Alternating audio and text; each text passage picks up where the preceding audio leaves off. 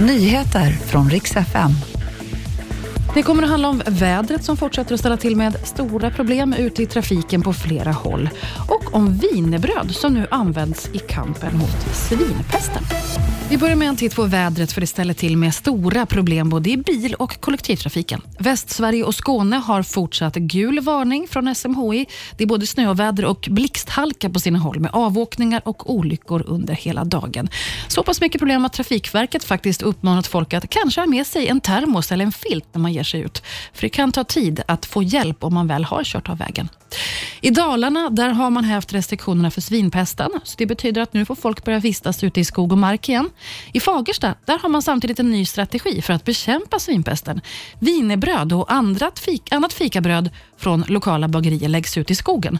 Och Det här gör man för att få vildsvinen att stanna kvar i den så kallade smittozonen.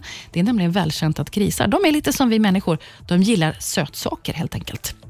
Så ska Sveriges herrlandslag i fotboll, för de rasar i världsranking. Fifa presenterar sina listor och Sverige de fortsätter neråt, från plats 23 till 26. Det här är den sämsta placeringen Sverige haft på sju år i alla fall. Det har inte varit något toppenår. Svenska herrarna missar också fotbolls-EM i Tyskland nästa sommar.